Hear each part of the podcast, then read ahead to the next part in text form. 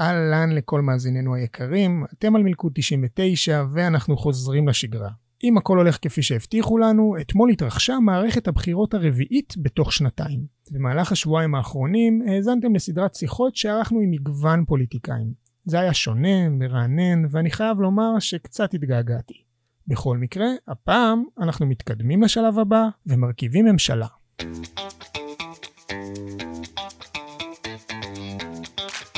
מילקו 99, הון, שלטון ומה שביניהם. משהו קרה בישראל. העם הזה הוא עם חכם ונבון. הוא יודע מה הוא עושה. הוא יודע מה הוא מחליט. הוא יודע באיזו ממשלה לתת אמון. אתם הייתם משוכנעים שאתם תרכיבו את הממשלה. זה היה בגין, מיד לאחר בחירות 77, מי שלא זוכר, שנת המהפך, בה הוא זכה ברוב להרכבת ממשלה.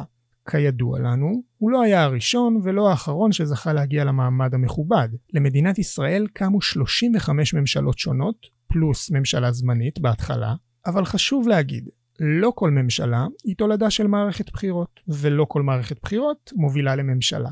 אני מניח שאתם יכולים לחשוב על דוגמה כלשהי. אבל לענייננו, היום נרכיב ממשלה. האורחת המרכזית שתלווה אותנו היא טל שניידר, הכתבת הפוליטית והמדינית של זמן ישראל. את השיחה הזו הקלטנו מראש. אין לנו מושג מה התוצאות, אין לנו מושג מי המפלגה הגדולה, מי הקטנה ומי נשאר מתחת לאחוז החסימה. אז מה כן? נלמד על התקופה המוזרה הזו, שבין יום הבחירות, כלומר אתמול, ועד השבעת הממשלה הבאה, שאין לנו מושג מתי זה יקרה. נדבר על הקמת קואליציה, על הסכמים פוליטיים, וגם על מה שראוי וחשוב שייכנס אליהם. היי טל, מה שלומך? מצוין, תודה. כן, איך אה, עוברת התקופה? קורונה, סגרים? בבית, כמו כולם. כן, טוב, לפחות מנצלים את, ה, את הזמן העודף של נסיעות והמתנות. ו... בדיוק. אמ, טוב, אז התכנסנו היום בעצם לדבר על הבחירות, אבל בפרספקטיבה אחרת. כשהפרק ישודר אנחנו כבר נהיה בעצם אחרי הבחירות. אולי נפתח בזה שתספרי לנו מה קורה ברגע זה, אחרי סגירת הקלפיות. מיד אחרי סגירת הקלפיות אה, לוקח כשבוע להבין פחות או יותר אה, את הדברים, אבל בעצם יודעים כבר תוך 24 אה, שעות, יודעים כבר את המספרי מנדטים, בין 24 ל-48 שעות, כאשר אה, בשנים האחרונות מנדט לפה, מנדט לשם זה מאוד קריטי. כך שאם לא יודעים את המספר במדויק ממש במשך 48 שעות, אז הדברים יכולים להישאר פתוחים. אבל אם יש פער גדול לאחד הצדדים, אז uh, המנדט לכאן, מנדט לשם פחות משנה, אבל ראינו בבחירות הראשונות בגל הזה של uh, אפריל 2019, שלדוגמה לגוש של נתניהו היה 60, ולכן מנדט נוסף ל-61 יכול היה לסגור לו את הפינה, מה שלא קרה, והוא יצא ביוזמתו, ראש הממשלה יצא ביוזמתו למערכת בחירות נוספת.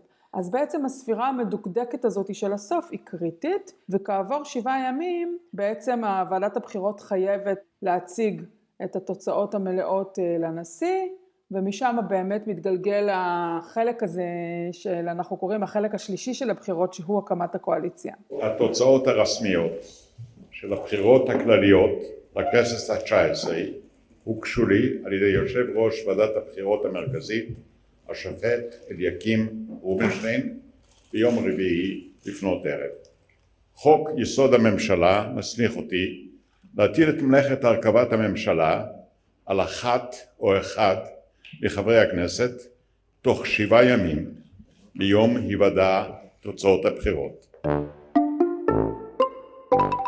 אוקיי, okay, וכשאת אומרת אה, אה, מתגלגל אל הנשיא, אז זה כל מצעד הביקורים שאנחנו תמיד רואים של נציגי הסיעות, שכביכול באופן פור, פורמלי ממליצים על מי מהמועמדים, שבעקבות אותו session הנשיא בעצם אה, מטיל את האחריות? נכון, לדעתי זה קצת יותר מאקט פורמלי, זה אקט עם תוכן שבו הם באמת צריכים לבוא ולהגיד על מי הם ממליצים, וזה בעצם הכלי שיקול הדעת של הנשיא, כשהוא מחליט על מי להטיל את הרכבת הרכבת הקואליציה, לפי ההמלצות של הסיעות. אוקיי, okay, אז אנחנו מגיעים לשלב שהנשיא בעצם התייעץ עם כל נציגי הסיעות, עושה את החישובים שלו, ומה בעצם קורה עכשיו? לפי חוק יסוד הממשלה, הוא יכול להטיל את מלאכת הרכבת הממשלה על חבר כנסת אחד מתוך המאה העשרים שהסכים לכך. זאת אומרת, לכאורה השיקול דעת שלו מאוד רחב, אבל עד היום היה נהוג שהוא הטיל כמובן על בעל הסיכויים הגדולים ביותר להרכיב ממשלה, כאשר למישהו יש מעל 61 ממליצים, אז אין בכלל אה, בעצם התלבטות,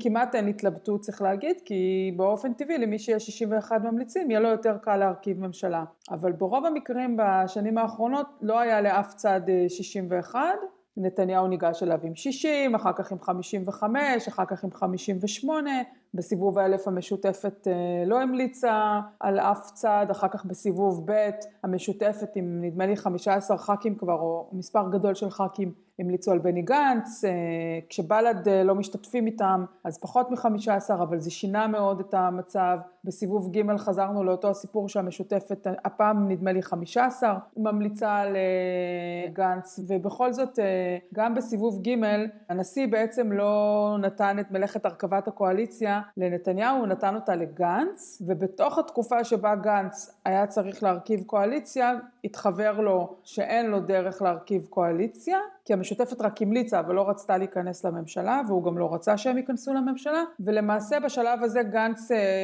חתם על אה, הסכם עם נתניהו, הסכם אה, כללי והנשיא לא נתן את מלאכת הרכבת הממשלה לנתניהו אלא דילג הישר לאופציה שבה מעל 61 חברי כנסת ממליצים, יש כזאת אופציה בחוק יסוד הממשלה, במקרה הזה באו אליו 72 חברי כנסת והם בעצם המליצו לו לעשות את ה... לקבל את ההסכם שבו נתניהו ראש ממשלה ראשון וגנץ ראש ממשלה שני, בלי שנתניהו קיבל את המנדט להרכבת הממשלה, אלא בדרך העוקפת שהיא גם דרך חוקית. אז לצורך העניין נתניהו קיבל את uh, מלאכת הרכבת הממשלה או נתניהו וגנץ זה באופן עקרוני לא חייבים להתמקד כרגע בשניהם זה יכול להיות גם uh, אולמרט שרון פרס רבין בן גוריון you name it וראש הממשלה המיועד uh, או אחד מ-120 חברי הכנסת מקבל את מלאכת הרכבת הממשלה ומה קורה מעכשיו?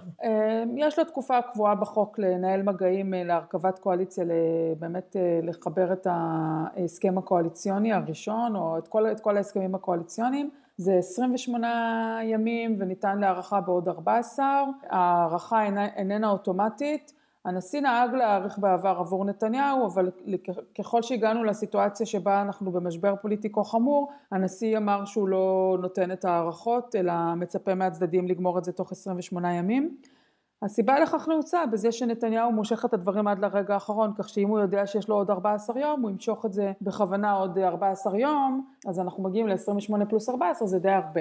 בעיקרון אחרי 28 ימים, אם זה שקיבל את מלאכת הרכבת הממשלה לא מצליח, זה אמור לעבור למישהו אחר. גם, גם עם זה היו המון משחקים בשנים האחרונות, במועד בחירות א' זה לא עבר לגנץ, נתניהו פשוט פיזר את הכנסת כדי למנוע את ההעברה. במועד בחירות ב' נתניהו קיבל ראשון, גנץ קיבל שני ואף אחד לא הצליח. במועד בחירות ג', כמו שאמרתי, גנץ קיבל ראשון ולא הצליח, וכבר בעצם סיכל את האפשרות שבה ריבלין יצטרך לתת לתת לנתניהו את מלאכת הרכבת הממשלה, אלא פשוט באו ואמרו יש לנו 72 איש שיצביעו בעדנו על אה, הסכמי רוטציה. המון מידע והמון מספרים, אז בואו נעשה בזה סדר. תוצאות הבחירות מתפרסמות באופן רשמי תוך שמונה ימים מיום הבחירות. בפועל, ההיסטוריה מלמדת שכבר אחרי 24 עד 48 שעות אנחנו יכולים להבין לאן הרוח נושבת. בכל מקרה, אחרי הפרסום הרשמי, נשיא המדינה מתחיל בסבב התייעצויות עם נציגי הסיעות בכנסת. בסופם, הוא יטיל את המשימה על אחד מחברי הכנסת שהסכים לכך, וזה לא נוסח שלי, אלא של סעיף 7א בחוק יסוד הממשלה.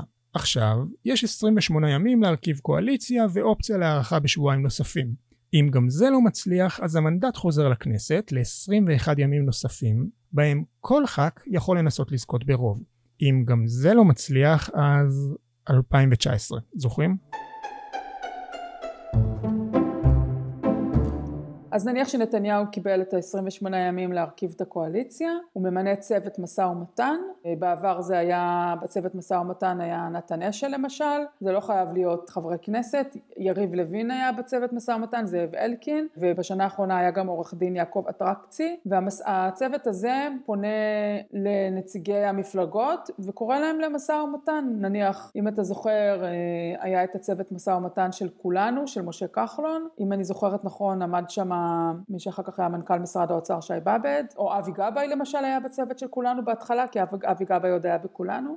אנשים בכירים שעבדו בצד, לצידו של כחלון, והם נפגשים עם הצוות של הליכוד, או עם הצוות של כחול לבן, ומתחילים אה, להגיד, אנחנו דורשים שיהיה סעיף כזה או כזה בהסכם הקואליציוני. אה, אנחנו דורשים, שמים על השולחן את כל העקרונות החשובים להם. כשאתה מסתכל על שנת 2015 למשל, אז הצוות של כולנו שם נושאים כמו יוקר המחיה, מחירי הדיור, בנקאות, דיור ציבורי וכולי. המפלגות החרדיות, אה, ש"ס ויהדות התורה, שמות את הנושא של השבת, סטטוס קוו, את הנושא של גיוס בני ישיבה כאיזשהו מנע וכמובן שהן שמות את הנושא של התקציבים. כל, כל מפלגה מגיעה עם הדרישות שלה, בדרך כלל הבית היהודי או ימינה או מפד"ל, כל פעם זה בשם אחר, מוזמנת אה, כמעט אחרונה למשא ומתן כשהסכמים אחרים כבר סגורים. אז כל מה שנותר להם זה לבוא ולהגיד אה, אנחנו רוצים מעורבות בבחירת שופטים הם כבר לא יכולים להשפיע על מחירי הדיור ועל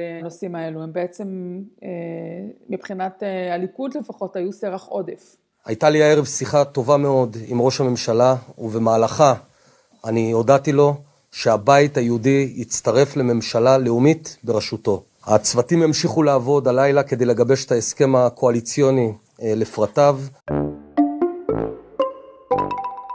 וכשאת אומרת לצורך העניין ימינה אה, שהם מגיעים וכבר אין להם יכולת להשפיע על מדיניות מחירי הדיור. הרי תיארת שכחלון, אה, הצוות של כחלון נפגש עם הצוות של נתניהו והם דנים בנושאים ואז כחלון בעצם סוגר עם נתניהו את הנושאים שחשובים לו אז בעצם ההסכמים הקואליציוניים זה לא איזשהו הסכם אחד גדול של כל הקואליציה. מפלגת השלטון מרכיבה כמה הסכמים עם כל מפלגה. כן, בדיוק כך. כל פעם יש קונסטרוקציה אחרת אבל בעיקרון ב-2015 קל מאוד להסתכל על זה כאיזשהו מודל, כי זה גם ממשלה שהחזיקה מעמד ארבע שנים, ומשה כחלון באמת הגיש לנתניהו רשימה מאוד ארוכה של נושאים של תוכן, להבדיל מנושאי פרוצדורה, וההסכם הזה יחסית אה, עמדו בו אה, במשך השנים. אה, סיימנו משא ומתן ארוך, אבל שהוא באמת התמקד בכלי העבודה, התמקד באמצעים שנוכל לקדם רפורמות המשק הישראלי זקוק לרפורמות ואנחנו סיעת כולנו יחד כמובן עם סיעת הליכוד וראש הממשלה וחברי הכנסת והשרים וחברי הממשלה אין לי ספק שאנחנו נדע להוביל אותם ובעיקר אנחנו מדברים על רפורמות בדיור, בנקאות, בצמצום פערים בחברה הישראלית וכמובן רפורמות נוספות. סיעת כולנו קיבלה את הכלים הדרושים ואנחנו מצפים ובטוחים שנקבל שיתוף פעולה מלא אז בעצם היה את ההסכם הזה בין נתניהו לבין כולנו שהיה ההסכם העיקרי ואחר כך היו הסכמי הצטרפות. כשבהסכמי הצטרפות הם, הם מבינים שיש כבר הסכם נוסף עיקרי שנחתם. אני אתן לך עוד אה, דוגמה. נתניהו חתם על הסכם קואליציוני עם כחול אה, לבן ובו היה סעיף מפורש של דרכי העברת התקציב כולל התחייבות מפורשת של נתניהו, של הליכוד, להעביר תקציב דו שנתי לשנים 2020 ו-2021 ביחד. התקציב לפי אותו הסכם הקואליציוני היה אמור לעבור עד אוגוסט 2020, זאת אומרת הם היו צריכים לסיים את תקציב השנה 2020 שהייתה שנת שלוש הבחירות וגם לחתום באותה הזדמנות על תקציב 2021, שהרי ידוע שתקציב 2021 ממילא צריך להיסגר עד אוקטובר-נובמבר לפני שנת הכספים, כך שלא מדובר בפער גדול, זו הייתה הסכמה שהייתה סבירה ביותר. כאשר יהדות התורה וש"ס הצטרפו להסכם הקואליציוני אחרי שכחול לבן חתמו, הם ידעו כבר שיש התחייבות תקציבית ל-2020 ו-2021. הם ידעו כבר וקיבלו עליהם בעצם את העיקרון הזה. המציאות היא מציאות שאנחנו לא יכולים לחיות איתה. זאת המציאות. נקלענו לא אתה אשם בזה ולא אני אשם בזה. מה שקרה שם בין נתניהו לבין אה, אה, אה, בני גנץ אנחנו לא יודעים אנחנו לא היינו בעניין הזה. כשהחלו הפרות מטעם הליכוד בנוגע להעברה המשותפת של שני התקציבים, אני למשל האשמתי גם את אה, גפני כיושב ראש ועדת הכספים כמי שאחראי להתפרקות של הממשלה. מדוע? כי הוא ידע היטב, והוא אף היה חתום בעקיפין על ההתחייבות התקציבית הזאתי, אבל בהיותו, בהיותו יושב ראש ועדת הכספים הוא התחיל לפרסם הודעות שהוא מתנגד לתקציבים הכפולים ביוני אה, 2020. אני פניתי אז לצוות שלו ואמרתי לו מה אתם עושים? אתם חתומים על הסכם בהתחייבות עבור כחול לבן שהוא התחייבות של הליכוד אבל אתם בעקיפין חתומים עליה גם כן וידעתם אותה שיהיו תקציבים ביחד, אתם בעצם עושים את הצעד הראשון לפירוק הממשלה. זה עוד לפני שנתניהו בא ואמר שהוא רוצה תקציב חד שנתי רק ל-2020. זאת אומרת, גפני למשל ידע היטב שהוא מפרק את הממשלה בהתנגדות שלו להסכם אה, התקציבי הזה. אוקיי, okay, ובאמת אבל לצורך העניין לא בשלב שגפני כבר יושב ראש ועדת הכספים, אלא בשלב שיהדות התורה נכנסה להסכם. הייתה לה איזושהי יכולת לבוא ולהשפיע, או כמו שאמרת קודם בדוגמה של ימינה או הבית היהודי, once נכנסתי אחרון, אז ההסכם שכבר קיים מחייב אותי. תראה, יש, יש מערכת יחסים כה הדוקה בין נתניהו לבין יהדות התורה וש"ס, כך שנתניהו מראש לא היה כותב בהסכם הזה שהוא מחויב לדוגמה לגיוס כל בני הישיבות. הוא כן, אני מניחה שאם יש סעיף דרמטי בנושא גיוס בני ישיבות, הוא היה מעביר את זה לעיונם של אה, גפני וליצמן לפני שהוא היה אה, מאשרר את זה מול אה, בני גנץ. כך שזה בגלל שיש מערכת יחסים מאוד קרובה וחזקה. אבל אתה שואל אותי מה יקרה אם יהיה מפלגות אחרות מאוד גדולות שלא יהיה להם תרגולת עבודה לאורך כל כך הרבה שנים, זה באמת תהיה שאלה. אבל בעיקרון מי שמצטרף ראשון ומרכיב את הבסיס העמוק של הממשלה, זאת אומרת שתי המפלגות הגדולות, אם יש כזה דבר, זוכה גם להכתיב את התוכן עבור האחרים. בלעדיהם אין ממשלה בעצם. זהו, אז באתי להעיר, שאת אומרת שתי המפלגות הגדולות, נראה לי זה המפלגה הגדולה והמפלגה שהיא לשון המאזניים.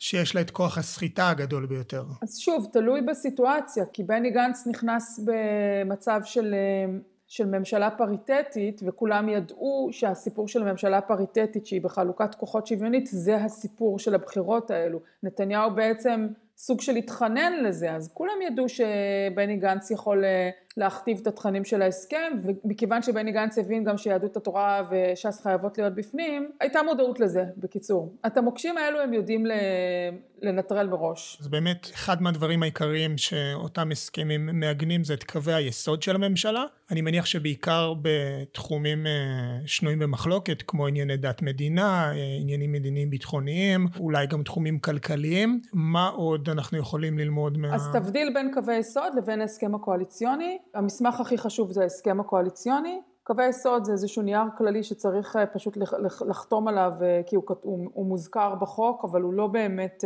אה, קווי יסוד כתוב שם מדינת ישראל היא מדינתו של העם היהודי המדינה חותרת לשלום ולשוויון המדינה או רוצה לשמור על היתרונה הביטחוני באזור, דברים כאלו, הצהרות אה, כלליות. פשוט חייבים את המסמך הזה, עד כדי כך שזה בין גנץ לנתניהו כמעט והתעלמו מקיומו של המסמך, ורק בג"ץ אמר להם מה הם קווי יסוד, אז הם הוציאו איזשהו נייר. יוצגו קווי יסוד לכל תקופת כהונתה של הממשלה, כפי שמחויב על פי דין. לפני השבעתה. לפני השבעתה, זה שהצדדים... זה לא מה שכתוב בהסכם. אבל גברתי, זה שהצדדים אה, מתקנים דברים, אתם צריכים לברך אותם. אוקיי, אז אדוני מצהיר כאן שלפני ההשבעה יוצגו מכלול קווי היסוד של הממשלה הזאת על שני פרקי הכהונה שלה. בהחלט.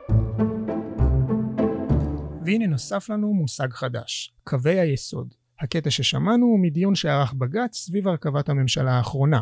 כמו שהסבירה לנו טל לפני שנייה, אז כל הדיון על קווי היסוד בפחות מדקה. שלא נתבלבל, קווי היסוד קשורים להסכם הקואליציוני, אך בשונה ממנו, ונדבר על זה עוד מעט, הם קשיחים יותר ומחויבים על פי חוק. כלומר, הממשלה העתידית חייבת לפרסם אותם לפני השבעתה. אבל בואו נחזור למוקד הפרק ולטל האורחת שלנו, ונתחיל להבין ממה מורכב הסכם קואליציוני.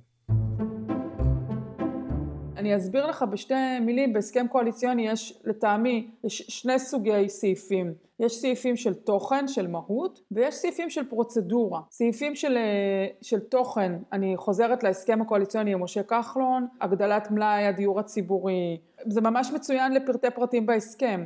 כל תוכנית מחיר למשתכן שעבדו איתה במשך ארבע שנים היא כתובה בהסכם הקואליציוני בפרטי פרטים באיזשהו נספח שהם הכינו ממש עם הסברים על סוגי הקרקעות ועל סוגי המחירים והזכאויות ודיור לזוגות צעירים. כל הסיפור של אה, איך אה, מסדרים את היבוא למדינה כדי שיהיה הורדת מחירי מזון הכל נכתב בהסכם. האמת היא שזה הסכם שהוא אחד ההסכמים אולי הכי מפורטים שראיתי בתקופת עבודתי כעיתונאית פוליטית מבחינת הדרישות שכחלון הציב. ממש אה, מדהים לראות את זה, סט שלם של, של תוכן וגם עיסוק בפרוצדורה, אבל הייתי אומרת 90 אחוז תוכן, 10 אחוז פרוצדורה. בפרוצדורה כמובן אני מתכוונת, מפלגת כולנו תקבל את משרד האוצר, מפלגת כולנו ת, ת, ת, תעביר את הרשות התכנון ממשרד הפנים למשרד האוצר. עוד פרוצדורות זה למשל אה, איזה ועדות, מי יחזיק באיזה ועדות, מי יישב בוועדה למינוי שופטים וכולי. שגם זה אבל זה, זה משהו ש... שטעם בעצם את אה, סוגיית המהות, התוכן שאת מדברת עליו. נכון. הפרוצדורה באה לתמוך את אותה תוכנית. נכון, ש... בדיוק. אבל לצד הפרוצדורה שבאה לתמוך בתוכן, יש לך בתוך ההסכם פירוט תוכן מאוד מאוד גדול. אני מדברת על רמת הבנקים, על רמת ה... שוב, יוקר המחיה, דברים שהלובי שלכם עוסק בו בלי סוף, וזה באמת היה מדהים לראות כבר כלוביסטים או כמי, כמי שמתכוונים להבין מה הולכת להיות החקיקה ומה הולכות להיות הרפורמות, יש לכם הרבה מה לעבוד כבר מתוך ההסכם הבסיסי הזה, כבר להבין לאן מועדות פניה של הכנסת בתחום החקיקה. בעוד שאם אתה מסתכל על ההסכם בין כחול לבן לבין הליכוד שנחתם באפריל 2020, אולי מרץ, סוף מרץ 2020, ההסכם הזה הוא בערך 90% פרוצדורה ו-10% תוכן. מראה, תמונת מראה. זאת אומרת, יש שם בלי סוף פירוט של אה, המבנה הזה החוקתי של אה, ראש ממשלה חליפי, ומי זכאי למנות שגרירים, ומה יהיה ההרכב של ועדה למינוי שופטים, ואיך ייבנה תקנון הממשלה. וסעיפי תוכן שם הם, הם אולי בקושי שלושה, יש אחד סעיף על התקציב שהוא גם לא בדיוק תוכן אלא הוא יותר גם כן סדר זמנים, אבל בסופו של דבר הוא התגלה כסעיף נורא עקרוני. יש סעיף בנושא גיוס אה, אה, לצה"ל ויש סעיף של סיפוח או החלת ריבונות כמו שזה נקרא בהסכם. ששם יש מעין הודעה על חופש פעולה לליכוד ושמירת הזכות של כחול לבן להתנגד. בסעיף של הגיוס יש אמירה כללית לגבי הצורך הזה להעביר את חוק הגיוס. זה, זה אפילו סעיפי תוכן שלהם הם לא באמת תוכניים, הם יותר פרוצדורליים אבל הם מראים לך מה הממשלה הזאת חושבת שיהיו הנקודות מחלוקת ולכן היא מוצאת לנכון לכתוב אותם בהסכם. לגבי כל השאר בגדול הכל מתוכלל בתוך סעיף תוכן אחד שאומר הממשלה קמה כדי לטפל עם, בנגיף הקורונה אחר כך נתמודד uh, עוד כמה חודשים עם כל השאר. זה נכון אבל היא לא אומרת שום דבר לגבי איך היא תתמודד איתו כלום היא רק אומרת זה ממשלת חירום בתקופה שהיא מאוד אה, לחוצה מבחינתנו זה, זה בעצם סעיף תירוץ זה סעיף שבא ואומר בואו תבינו למה נכנסנו לממשלה כי לא הייתה לנו ברירה, שיירשם בדברי ימי ההיסטוריה שנכנסנו כי היינו לחוצים מהמצב הכלכלי ומהמצב הבריאותי של המדינה. אבל היא לא אומרת אנחנו נגדיל את מספר המיטות, אנחנו ניתן תקציב, אין התחייבות תקציבית לטפל במערכת הבריאות, אין סעיף שבא ואומר אנחנו חייבים להוריד את מספר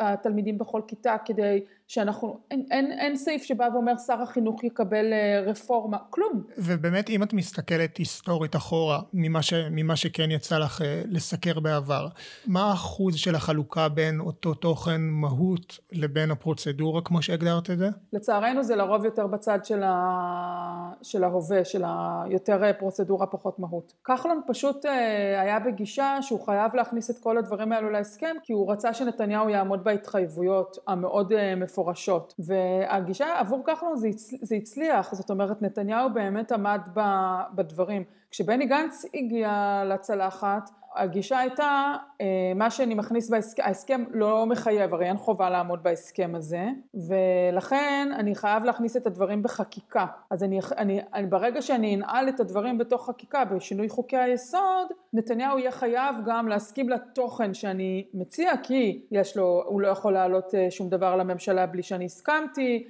אי אפשר להצביע בממשלה, כל הוועדות של הממשלה הם, הם חצי חצי וכולי. אז הוא הצליח להכניס את העיקרון הפריטטי חזק מאוד לתוך ההסכם, אבל בחיים עצמם אה, נת, אה, נתניהו לדוגמה הייתה לו מחויבות בהסכם לתקציב דו שנתי והוא פשוט התעלם ממנה. עמדתי האישית שמדינת ישראל זקוקה, זקוקה ליציבות, זקוקה לתקציב, וגם צריך לומר ביושר, יש חשיבות גדולה להסתכל לציבור בעיניים ולומר אין שום פסול ואדרבה חובה לאדם שחתם על חוזה לעמוד בחוזה. הסכם צריך לכבד ולכן אני חושב שהערך הזה של עמידה בדיבורך קודם כל ויש לי גם ביקורת על כחול לבן אבל הערך העליון צריך לדעת שמילה זו מילה.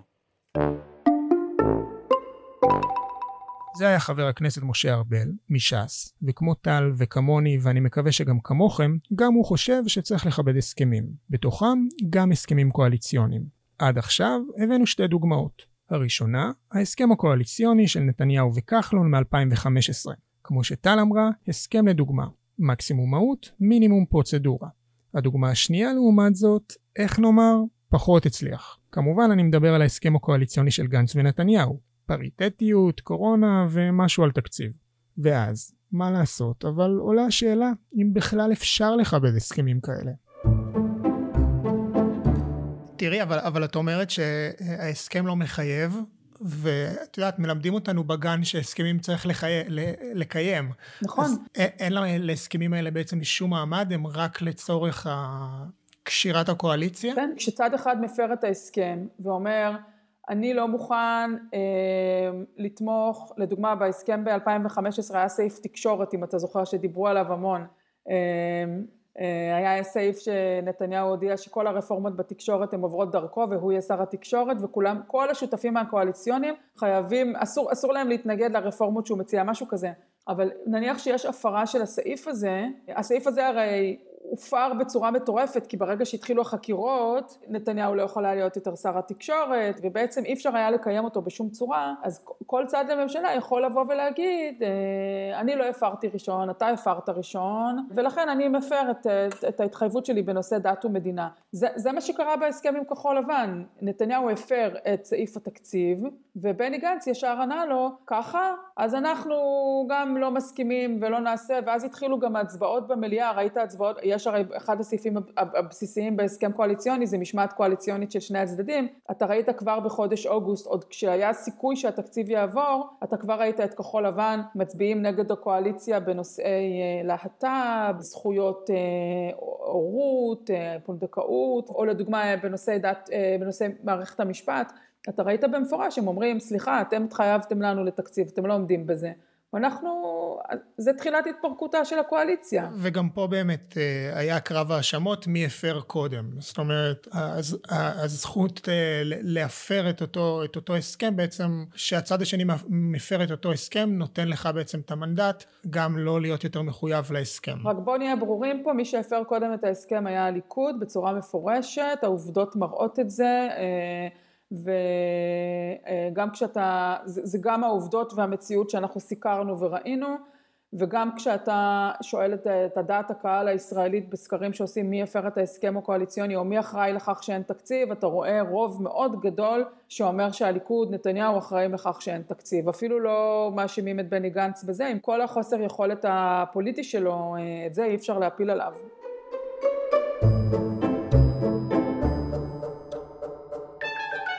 הסכמים, קווים, תוכניות, כל כך הרבה מושגים בשביל שתהיה לנו ממשלה אחת יציבה ומתפקדת. כמו שלמדנו מטל, לפעמים זה עובד חלקית, לפעמים נכשל, ולפעמים זה אפילו מצליח.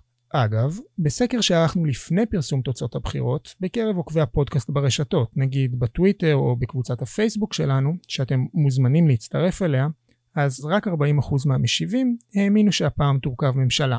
60% לעומת זאת טענו שאנחנו בדרך לבחירות חמישיות.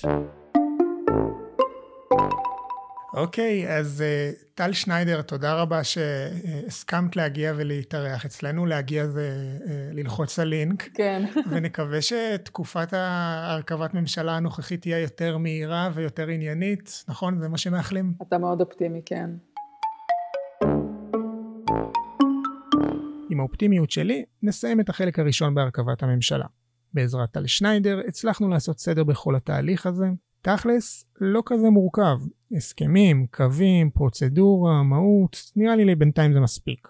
בחלק השני, שיגיע אליכם מיד אחרי פסח, נדבר על אותה מהות. או במילים אחרות, על כל הנושאים הבוערים שיוכלו לשדרג את ההסכם הקואליציוני, וכמובן את החיים שלנו. בינתיים, אני מזמין אתכם להצטרף לקבוצת המאזינים שלנו בפייסבוק ולהיכנס גם לאתר האינטרנט שלנו, תמצאו שם מלא הרחבות. אם אהבתם את הפרק, אז נשמח שתפיצו אותו הלאה לחברים, משפחה, כל מי שבא לכם. חוץ מזה, עקבו, שתפו ודברו איתנו. מלבד הפייסבוק, יש לנו טלגרם ואפילו מייל, הכתובת היא פודקאסט שטרודל לובי 99, אור גיא-אל. לסיום, נאמר תודה לאורחת שלנו, טל שניידר, וגם למור ירון, המתנדבת היקרה שתמללה את הפרק. זהו, אני הייתי כרמל נמש, יאללה ביי.